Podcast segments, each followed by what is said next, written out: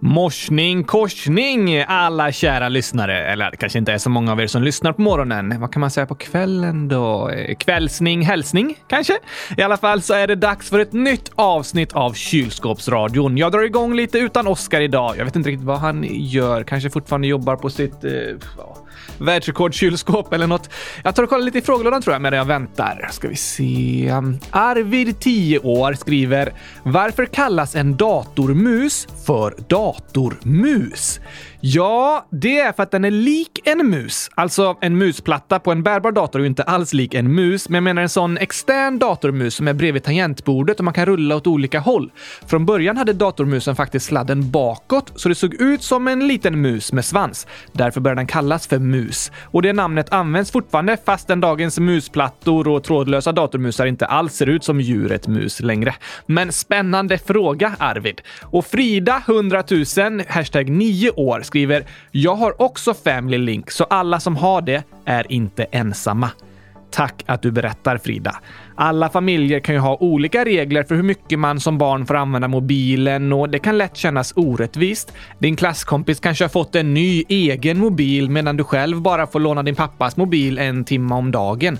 Och så har vissa föräldrar valt att installera Family Link och andra inte.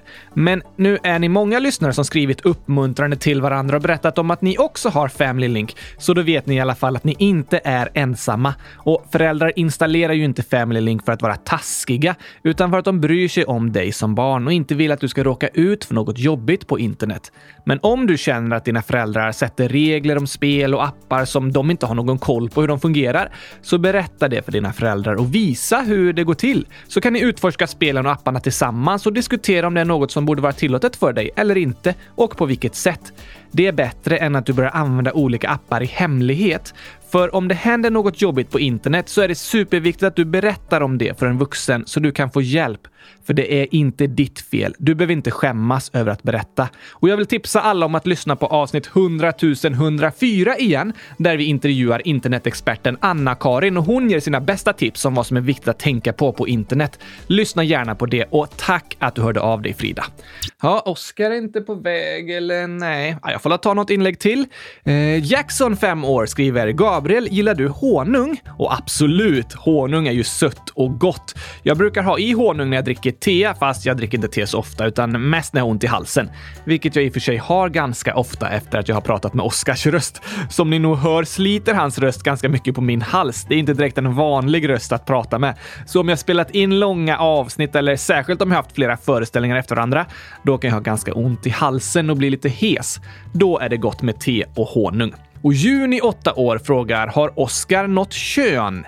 Nej, Oscar är ju en docka och han har ingen snopp eller snippa, så det är lite oklart det där. Fast han brukar kalla sig själv för en nioårig pojke. Och Eskil, 6 år. Jag är frustrerad över att jag inte hann skriva mitt Lego-inlägg i tid, så här vill jag skriva. Kan ni ha Lego som dagens ord? Plus älskar eran podd.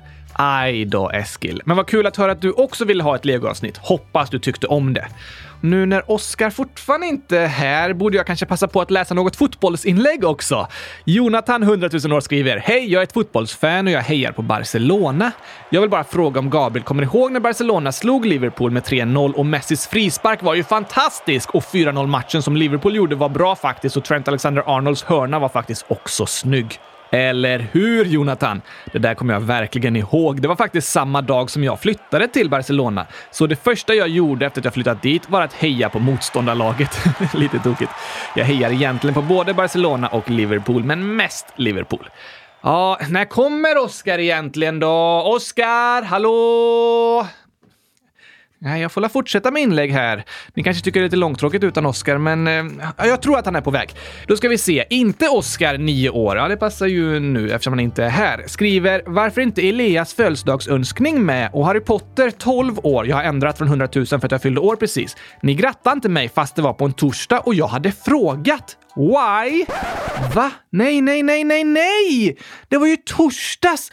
Jag hade ju sett det där meddelandet från Harry Potter. Hur kunde jag missa det? Ah, Gabriel, vad håller du på med?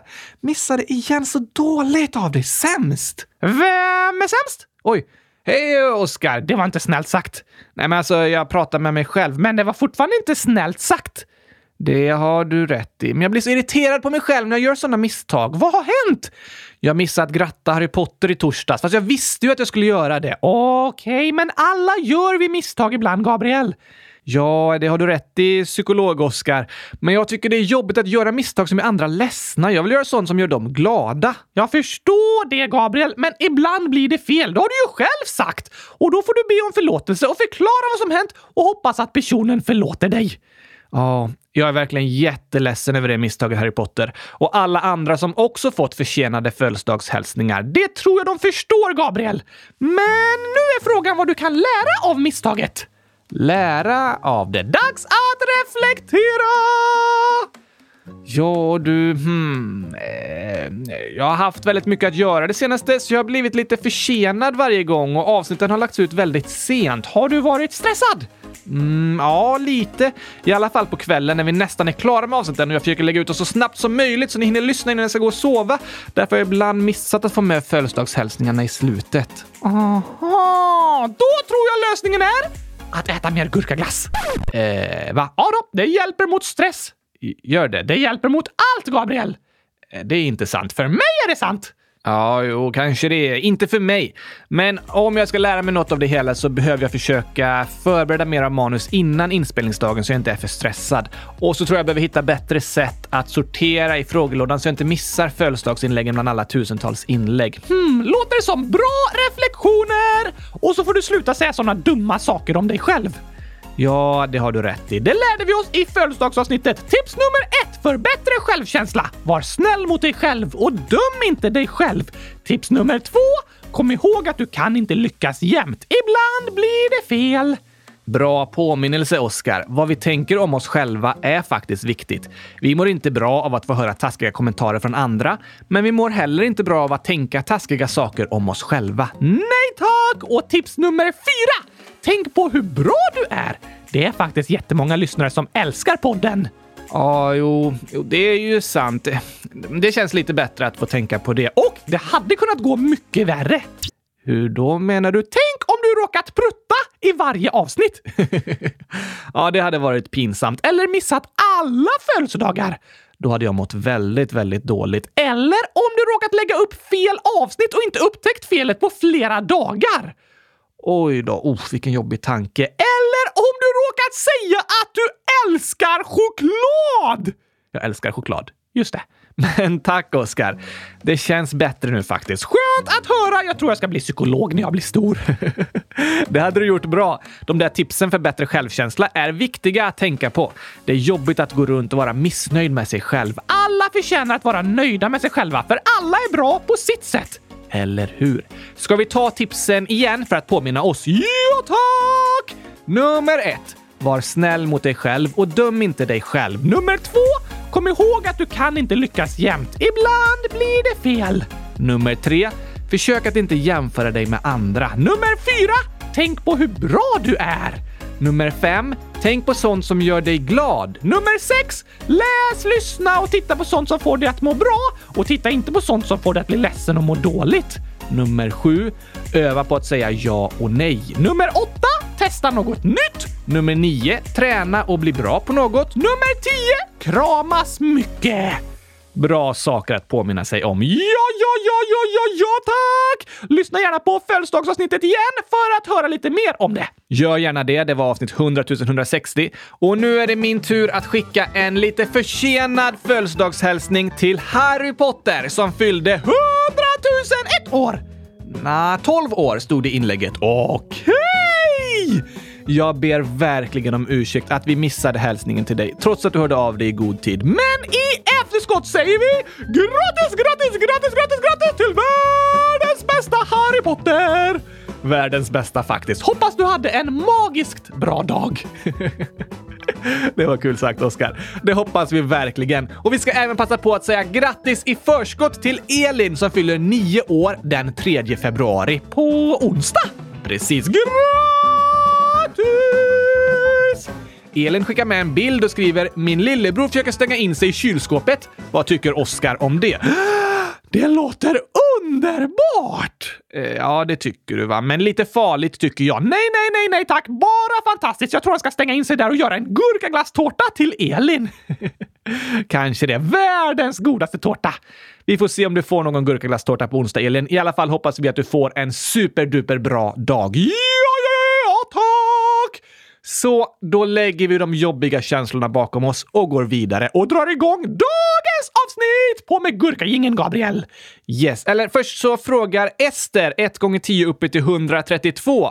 Är instrumentet gurka ett slaginstrument? Och så är det massor av frågetecken, nämligen 7885 frågetecken. 7885 185 stycken!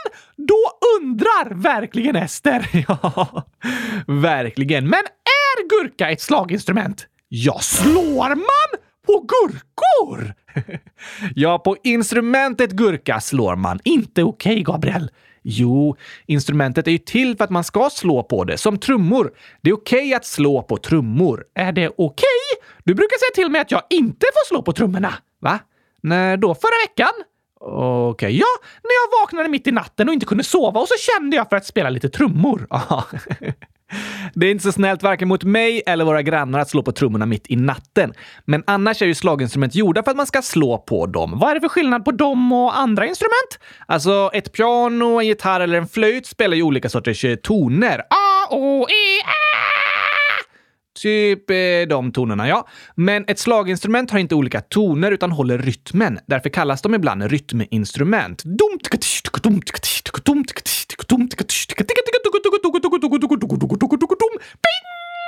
Ja, precis. Och gurkan är ett slaginstrument som man slår rytmen på med en metallpinne. Men gurkor får man inte slå på. De ska man krama. Kramar du gurkor? Såklart, Gabriel! Gurkor är det mysigaste och bästaste som finns. Ja, såklart. Men nu drar vi igång dagens avsnitt med slaginstrumentet gurka. Det får man slå på. Ja, och nu håller det rytmen i gurkagingen. Woho!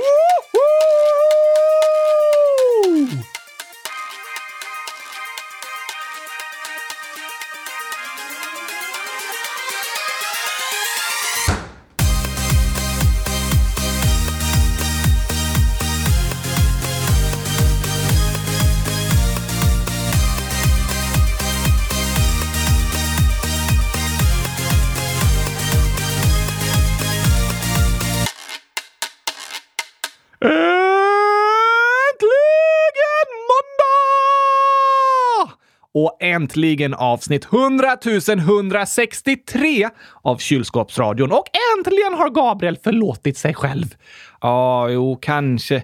Jag är fortfarande frustrerad över misstaget och så ledsen över att ha gjort dig besviken, Harry Potter. Men det börjar kännas bättre nu i alla fall. Fint att höra, Gabriel! Vad ska vi prata om idag? Alltså, jag har redan pratat om massa grejer och svarat på frågor från lyssnarna. Har du börjat utan mig? Ja, tack. Vad pratar du om då? Ja, lite om fotboll och aha! Tack att du börjar utan mig då. Varsågod. Men vad ska vi prata om nu? Tillsammans? Jag tänkte kanske om VM i gurkakastning? Finns det VM i gurkakastning? Yes! Vardagsrumsmästerskapet! Det är när man kastar gurkor i vardagsrummet. Jaha, sen finns det SM också. Okej, okay, är det sovrumsmästerskapet då eller? Precis! Vanligtvis är ju SM en förkortning för Svenska mästerskapet och VM för Världsmästerskapet och så EM för Europamästerskapet. Det finns EM i gurkakastning också! Okej, vad blir det för rum då? Hall, kök, toa, korridor, tvätt. Nej, jag kommer inte på vad EM kan betyda, Oskar. Eftermiddagsmästerskapet såklart! Okej, och när det inte är mästerskap så tävlar man i Hallsvenskan. Hallsvenskan. Tokiga namn, Oskar. Men på tal om VM så spelade ju Sverige VM-final i handboll igår. I vardagsrummet? Nej, VM betyder ju oftast världsmästerskap. Senaste året har det varit fler vardagsrumsmästerskap än världsmästerskap. Eh, det är nog faktiskt sant. Mycket har ställts in. Men handbolls-VM blev av och Sverige kom tvåa. Fick de ingen gurkaglass då? Va? Ja, om de förlorade finalen. Eh, nej, Danmark som vann fick inte heller någon gurkaglass. Va? Vilket dåligt mästerskap! De fick ju guld, Oscar, och Sverige fick silver. Inte lika bra som gurkaglass.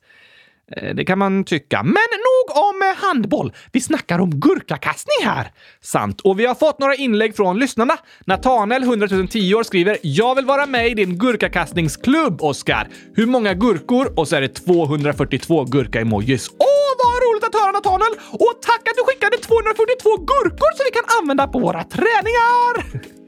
Just det, och Olli 11 år. Jag vill vara med i gurkakastningsklubben. Tre medlemmar redan, Gabriel! Då kan vi snart få statsbidrag. det är en bit kvar. Och du som docka kan tyvärr inte räknas med i den statistiken. Nej, men eh, ska du ha några träningar eller vad har du tänkt? Hmm, ja, kanske det. I alla fall kan alla börja med VM. Börja med VM? Ja, att man har ett vardagsrumsmästerskap hemma och tränar. Okej. Ja, men det är inte så bra att kasta gurkor i vardagsrummet tror jag. Är det inte bättre om de börjar med UM? Ungdomsmästerskapet? Nej, jag menar utomhusmästerskapet. Aha! Ja, om man kastar riktigt långt behöver man nog gå ut så man inte förstör något fönster eller så. Ja, ni alla lyssnare kan ju testa att kasta gurkor. Eller det kanske är bättre att träna med att kasta pinnar eller något istället. Kom ihåg att ni måste kasta bakåt mellan benen. Precis, man böjer sig ner och kastar bakåt mellan benen. Så kan ni mäta hur långt ni kastar och skriva till oss i frågelådan och berätta. Ja, det kan ni göra. Kasta, mät och skriv till oss hur det har gått. Ni kan välja att kasta vad ni vill. Jag tycker det blir ganska mycket grönsaksslöseri om man ska hålla på och kasta gurkor hela tiden. Så välj något annat som passar. Men i alla fall så är regeln att kasta bakåt mellan benen. Så går gurkakastning till! Stort lycka till! På tal om sport så skriver Eld 10 år. Oskar, jag har kommit på en ny sport. Gurkafotboll. Den går ut på att du ska försöka göra mål med en gurka. Regler. Ha kul, var snäll, ha någon att spela mot. Hälsningar Eld 10 år. Det låter som en fantastisk sport, Gabriel! Ja, vilket bra förslag! Gurkafotboll och gurkakastning är de första grenarna i OS. OS? Nej, OS! Oscarspelen! Istället för olympiska spelen. Ja tack! Kom gärna med fler förslag på vilka sporter som borde vara med i OS. Ja, ni kreativa lyssnare hittar säkert på massor av roliga sporter som passar i OS. Men nu kommer VM-sången anpassad till VM i gurkakastning! Om ni vinner så bjuder jag på gurkaglass Jag fyller massa kylskåp och tar med på ett stort lass till Vardagsrummet! Och jag ser till att alla får Så att kan göra hundratusen mål. Vinner så bjuder jag på gurkaglass Jag fyller massa kylskåp och tar med på ett stort lass till Vardagsrummet! Och jag ser till att alla får Så att ni kan göra hundratusen mål. Vinner så bjuder jag på gurkaglass Jag fyller massa kylskåp och tar med på ett stort lass Vardagsrummet! Och jag ser till att alla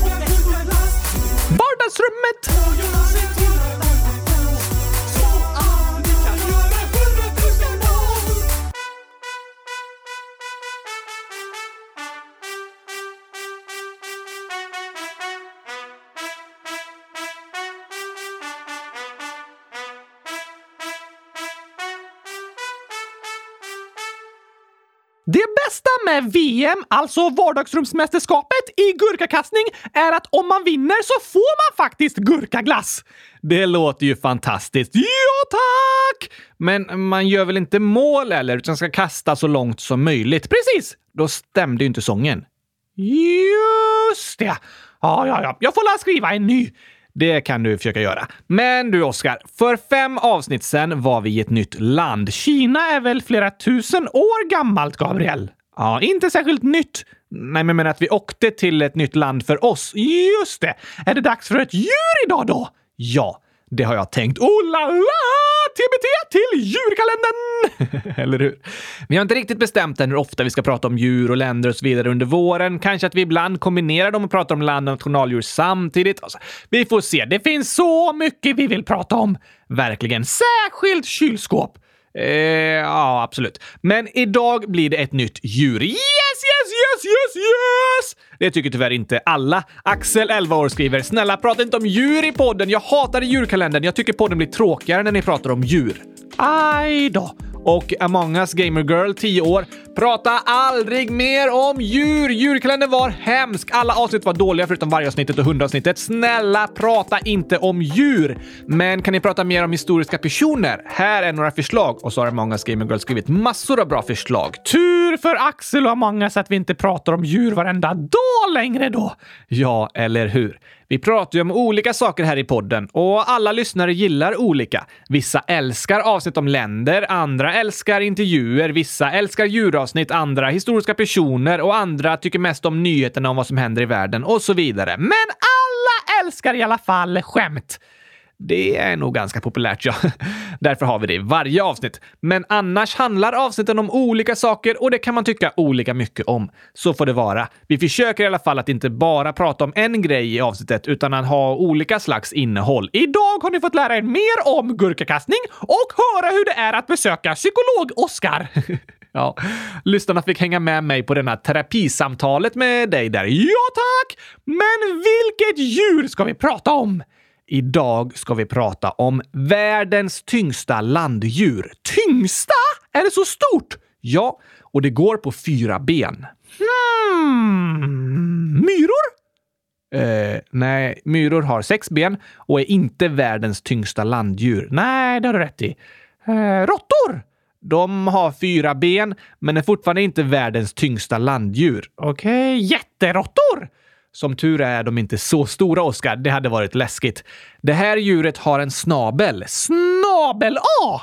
Nej, men du säger att det här djuret har e-mailadressen snabel-A. Elefanten! Ja, Oskar. Är elefanten världens tyngsta landdjur? Ja, savannelefanten är det största landdjuret. Finns det olika sorters elefanter? Absolut.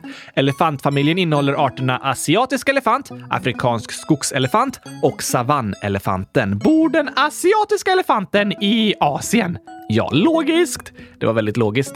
I utspridda områden i Indien och Sydostasien, till exempel Thailand och Indonesien, där finns den asiatiska elefanten. De andra arterna bor i Afrika. En art i skogen och en på savannen. Precis, det hördes ju på namnen. Hur stor kan savannelefanten bli då? Oftast har de en mankhöjd runt 3 meter och väger cirka 5 ton. Men den största någonsin var 4 meter hög och vägde 11 ton. 11 000 kilo! Ja, blir det hål i marken när de går eller? det kan man nästan tro och ja, om det är lerigt och så kan det bli djupa spår av elefanterna. Men annars är det inga problem att gå på själva marken. Men om de skulle bo i ett hus kanske de skulle ramla igenom golvet. Ja, det finns absolut golv som skulle ha svårt för att hålla upp en elefant som väger 11 ton och trapporna skulle kanske gå sönder när de försöker gå i dem. Går de väldigt långsamt eftersom de är så tunga? Ofta går elefanterna runt i lugnt tempo, men de kan faktiskt springa riktigt fort, 40 kilometer i timmen. Den snabbaste hastigheten som uppmätts av en elefant är 48 kilometer i timmen. 48 kilometer i timmen! Det är snabbare än Usain Bolt! Ja, det är fort! Verkligen fort för ett så stort djur. Och att ha en elefantjord som springer mot en i full fart, det är läskigt. Mot mig! Ja, är det flera elefanter tillsammans kan de ju komma upp i hundratusentals kilo. Då gäller det att inte stå i vägen. Men även om de kan springa snabbt så kan elefanter inte hoppa. Är de för tunga? Ja, faktiskt. De väger så mycket att det är fysiskt omöjligt för dem att hoppa. Elefanter är det enda däggdjuret som inte kan hoppa. Oj då! Lever elefanterna tillsammans? Honorna och ungarna lever tillsammans i en flock som är typ eh, 10 elefanter stor. Sen kan flera flockar gå tillsammans och bilda vad som kallas en jord på flera hundra elefanter. Lever de i jorden? De måste gräva stora gångar om elefanter ska få plats där i. Nej, inte i jorden. I en jord. Det stavas H-J-O-R-D. Det är som en stor flock. Aha! Är hanarna lämnade ensamma? Ja, de ingår inte i jorden utan går själva eller tillsammans med några få andra hanar. Okej, vad kallas elefantens barn? Kalvar. Och hur gammal kan en elefant bli? De blir ganska gamla om man jämför med andra stora landdjur. De ser gamla ut också! Ja, faktiskt. Elefanter har en sån look liksom. De blir oftast uppåt eh, 60 år, men den äldsta elefanten man känner till blev 86 år gammal. Det är gammalt! Det är det. Vad heter elefant eh, på latin? Elefantfamiljen heter Elefantidae. Nästan som på svenska! Ja, ganska likt. Men nu vill jag höra ett elefantljud! Okej, de flesta av er tror jag har hört hur en elefant låter. Varning för djurljud! Håll för öronen! Ja, ni kan hålla för öronen på katterna i alla fall. Här kommer det. Gör elefanten det ljudet med snaben? Precis, den trumpetar med snaben, vilket den främst gör om den är upprörd. Elefanter kan kommunicera med varandra genom andra ljud också, som är väldigt lågfrekventa. Lågfrekventa elefanter är ju jättehöga. Det sa du precis. Ja, men alltså ljudet är lågfrekvent. Ljud går i vågor och avståndet mellan topparna på ljudvågorna kallas våglängd eller frekvens. Okej? Okay. Och om det är en kort våglängd, alltså väldigt snabba vågor, precis, då är ljudet ljust och pipigt. Typ så här pipigt som jag pratar! Du pratar på en hög frekvens, Oskar, medan jag har en lite mörkare röst på en lägre frekvens. Det ser jag också i musikprogrammet där vi spelar in våra röster, för då finns det olika verktyg där man kan ta bort olika delar av ljudet. Va? Ta bort alla de höga frekvenserna när vi pratar då? Okej. Okay. Så här låter det när vi tar bort de höga frekvenserna. Oj då! Ta bort de låga frekvenserna av ljudet istället. Så här låter det när vi tar bort de låga frekvenserna från våra röster. Och människoröster ligger i mitten av vårt eh, frekvensspektrum, alltså det ljud människan kan höra. Ljudets frekvens mäts i något som kallas hertz och människan kan höra ljud mellan ungefär 20 och 20 000 hertz. Finns det ljud som människan inte kan höra? Ja, absolut. Och barn har en bättre hörsel än äldre personer, så ibland kan barn höra riktigt ljusa högfrekventa pip som vuxna inte ens kan höra. Typ som det som jag spelar upp i bakgrunden nu. Oj då! Och många djur har väldigt bra hörsel. Hundar kan till exempel höra ljud upp till 40 000 hertz. Alltså ljusa ljud! Ja, det brukar kallas ultraljud. Hundar har bra hörsel! Det har de verkligen. Men elefanter då? De kan prata med lågfrekventa ljud, alltså under 20 hertz. Väldigt dova ljud. Precis. Det vi kan höra av elefanternas ljud påminner lite om en katt som spinner. Aha! Och lågfrekventa ljud sprider sig som vibrationer i marken. Som en bashögtalare! Precis, Oskar. Basen är de lågfrekventa, mörka ljuden. Och om ni hört riktigt hög musik med en stor bashögtalare någon gång så har ni kanske känt hur det liksom skakar i rummet på grund av de lågfrekventa ljuden från bashögtalaren. Och därför kan elefanter ibland lyssna med fötterna. Lyssna med fötterna? Eftersom ljudet de ger ifrån sig för att kommunicera med varandra är så lågfrekvent och sprids som vibrationer i marken. Wow! Lågfrekventa ljud under 20 Hz kallas infraljud och med de ljuden kan elefanterna kommunicera med varandra på flera kilometers håll. Flera kilometer! Visst är det häftigt? Superhäftigt! Djur är så coola alltså! Det finns mycket att lära av djuren i naturen när vi reflekterar och nynnar signaturen till vår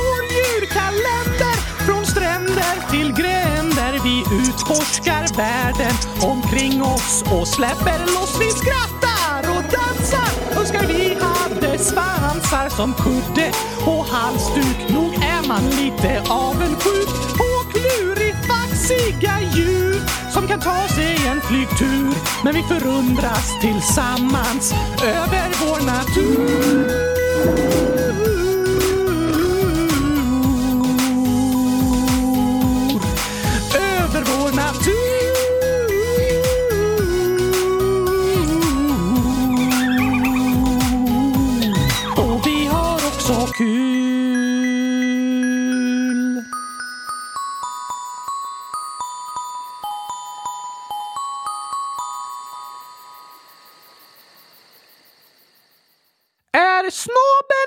Elefantens näsa?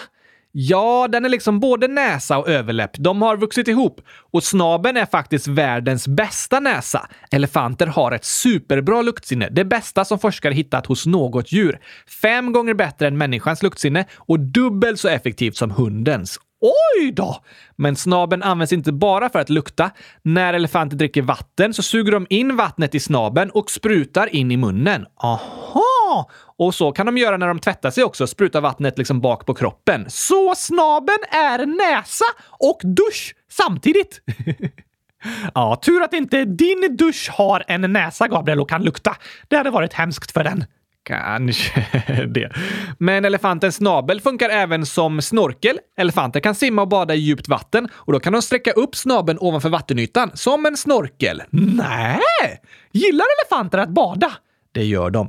Elefanter är beroende av vatten och bor alltid nära ett vattenhål och de gillar att bada i vattnet. Eftersom de är så stora djur behöver de också dricka mycket, runt 200 liter vatten om dagen. Tur att de inte köper flaskvatten då, för det hade gått åt mycket plast. Ja, det hade blivit väldigt många plastflaskor. Hur mycket äter de? Också mycket, mellan 100 och 200 kilo om dagen. Oj då! Och även till det används snaben. De sliter av grenar och gräs med snaben och stoppar in i munnen. Är de eh, växtätare? Ja. Elefanter äter gräs, löv, frukter, grenar och kvistar med hjälp av snaben. Afrikanska elefanter har liksom två fingrar längst ut på snaben som hjälper dem att greppa saker. Va? Men asiatiska elefanter har ett finger längst ut och plockar upp saker genom att slingra snaben runt dem istället. Okej! Det låter smart att ha en snabel. Jag tror jag ska skaffa det. Och en svans. ja, båda de sakerna är användbara. Men är elefanten det enda djuret med snabel? Ja, elefanter är det enda djuret inom familjen snabeldjur som inte dött ut. Har det funnits fler? Ja, det har det. Mammutar till exempel. Just det! Men håller elefanterna också på att dö ut? Elefanten är ett hotat djur. För hundra år sedan fanns det ungefär 10 miljoner elefanter i Afrika. Idag finns det bara 400 000 kvar och de bor utspridda i 30 olika afrikanska länder. I Asien då? Av den asiatiska elefanten finns det bara runt 30 000 kvar. Oj då! Men världens största landdjur borde inte ha så många fiender. Nej, elefanten har inte så många fiender bland djuren, men människan är dess största fiende. De asiatiska elefanterna hotas av platsbrist och dödas främst av bönder som vill skydda sina bördor. Men i Afrika är tjuvskytte av elefanter det stora problemet. Än idag dödas 55 elefanter om dagen i tjuvjakt, trots att det är olagligt. Varför det? Särskilt så är det elefanternas betar som är en lyxvara och säljs riktigt dyrt. De där stora tänderna bredvid snabeln? Precis. Materialet i de betarna kallas elfenben och det finns stora kriminella nätverk som tjänar mycket pengar på att döda elefanter och sälja elfenben. Vad används det till? Främst till värdefulla prydnadsföremål faktiskt. Nej. Jo, Elefantens betar kan bli tre meter långa och väga över 100 kilo. Att sälja elfenben är förbjudet i hela världen, men den illegala marknaden är fortfarande stor, särskilt i Asien. Och för några år sedan kunde kilopriset för elfenben vara 15 000 kronor. Alltså kunde en elefants två betar vara värda 3 miljoner kronor. Och det är därför det pågår så mycket tjuvjakt av elefanter. Jag tycker ingen borde köpa elfenben! Nej, det håller jag med om. Och det är så problemet kan stoppas. Om ingen längre vill köpa elfenben kommer tjuvjakten sluta eftersom de kriminella nätverken inte tjänar något på att skjuta elefanter olagligt och smuggla ut elfenben ur Afrika. Och de senaste åren har faktiskt priset på elfenben sjunkit kraftigt. Från 2000 till 700 dollar per kilo. Det är goda nyheter för elefanterna! Ja, att den illegala handeln med elfenben slutar är viktigt för att rädda elefanterna. Och en lösning för det är att stoppa korruptionen. Korruptionen? Det pratade vi om i förra veckan! Precis. Korruption handlar om att affärer pågår i hemlighet bakom kulisserna och att de som bestämmer i ett land använder sin makt på fel sätt. Hur påverkar det elefanterna då? Jo, det har varit vanligt i korrupta länder att rika företagsledare köpt fina värdefulla gåvor i elfenben och gett till tjänstemän. Det är väl snällt att ge presenter? Ja, fast sån korruption handlar om att ett företag ger en gåva till politiker och tjänstemän för att de ska hjälpa företaget. Va? Ja, jag kan ta ett exempel för att försöka förklara lite. Säg att det är ett eh, företag i Sverige som släpper ut farliga kemikalier i havet och så har Naturvårdsverket tänkt införa nya regler på att det är förbjudet att släppa ut de farliga kemikalierna. Då skulle det vara jättedyrt för företaget att ta hand om kemikalierna på ett miljövänligt sätt. Så istället kanske ledaren på företaget säger till chefen på Naturvårdsverket om du får en superfin elfenbenstaty av mig så kan väl du strunta i den där nya lagen. Aha! Är det så korruption fungerar? Ja, det är ett exempel. Har det hänt på riktigt? Nej, just det här var en påhittad berättelse, men i många länder har gåvor i elfenben varit väldigt vanligt som korruption. Till exempel från företagsledare till politiker och tjänstemän. Okej, men demokrati är ett sätt att stoppa korruptionen? Ja, Demokrati handlar om att saker sker öppet och politiker och de som bestämmer kontrolleras så att de inte ska kunna missbruka sin makt och ta emot pengar under bordet. Pengar under bordet? Det är ett uttryck för korruption. Att någon har fått pengar i hemlighet. Aha, under bordet där ingen ser. Precis, det är det det betyder. Så om demokratin och öppenheten blir bättre så minskar korruptionen och det räddar elefanterna. Ja, väldigt förenklat kan man säga så. Och det ser vi exempel på i världen idag. För korruptionen minskar och då minskar handeln med elfenben och då minskar tjuvjakten på elefanter. Allt hänger ihop, Gabriel! Eller hur? Allting hänger ihop. Och att kämpa för en demokratisk, jämlik värld där inte några få kan missbruka sin makt och utnyttja andra hjälper såväl människor som djur. Demokratiska värderingar är positiva även för naturen. Något att kämpa för! Eller hur? Men från korruption och tjuvskytte till något gladare. Elefantskämt!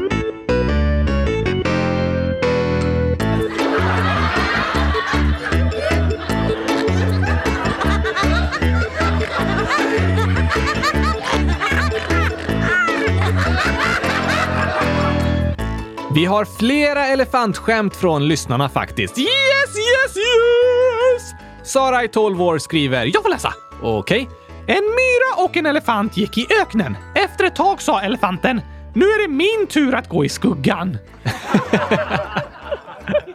Det blir mer skugga av den stora elefanten än myran. Verkligen. Fem myror ger inte mer skugga än fyra elefanter. Nej, det har Sara har skrivit ett till om elefanten och myran. Lite som ett drama. Jag vill vara elefanten! Okej, det får det vara. Det var en gång en myra och en elefant som skulle bada. Myran sprang ut i vattnet medan elefanten såg sig förvirrat omkring. Efter en stunds förvirring sa elefanten till den badande myran. Myran, eh, kan du komma upp ett tag? Nej, jag vill bada, sa myran. Men snälla, bara lite snabbt. Okej då, sa myran och gick upp ur vattnet. Elefanten tittade på honom och sa Tack, nu kan du gå tillbaka igen. Något irriterat blängde myran på honom och frågade Vad gäller saken egentligen? Äh, jag bara ville se om du tagit mina badbyxor. oj, oj, oj, de kan ju inte ha samma badbyxor. Nej, verkligen inte. Nästa! Namn, ingen, ålder, har ingen. Har skrivit ett skämt. Tre elefanter föll ner från ett flygplan. Två landade på marken och en i vattnet. Hur lät det? Uh, ja, det lät jättehögt gissar jag. Kanske så här. Boom! Nej, det lät badumts. Aha. Tokigt. Sen skriver Oskar, 9 år. Då måste jag läsa det! Okej, okej. Läs du. Gåta! Vad har fyra ögon, två huvuden, sex ben och en snabel? Hmm, ja, det finns ju inga andra djur med snabel än elefanten, men det finns ju inte djur med två huvuden och fyra ögon heller. Det låter som någon påhittad varelse i en tecknad film eller något. Nej tack, finns på riktigt! Va? Nej, va? Nej. Då har jag ingen aning. En människa som rider på en elefant! Jaha. Ja, det blir ju fyra ögon, två huvuden, sex ben och en snabel. Precis! Är det vanligt att rida på elefanter? Det är vanligt att turister när de är i Asien vill rida på elefanter. Men det är inget elefanterna mår bra av. De är vilda djur och har ofta blivit bortrövade från det vilda och utsatta för djurplågeri för att tränas för cirkusar och turistattraktioner som att kunna rida på elefanter. Oj då! På grund av att det är ett stort och häftigt djur har elefanter varit populära att se på och få komma nära. Men bakom kulisserna har de det väldigt dåligt och tränas på hemska sätt.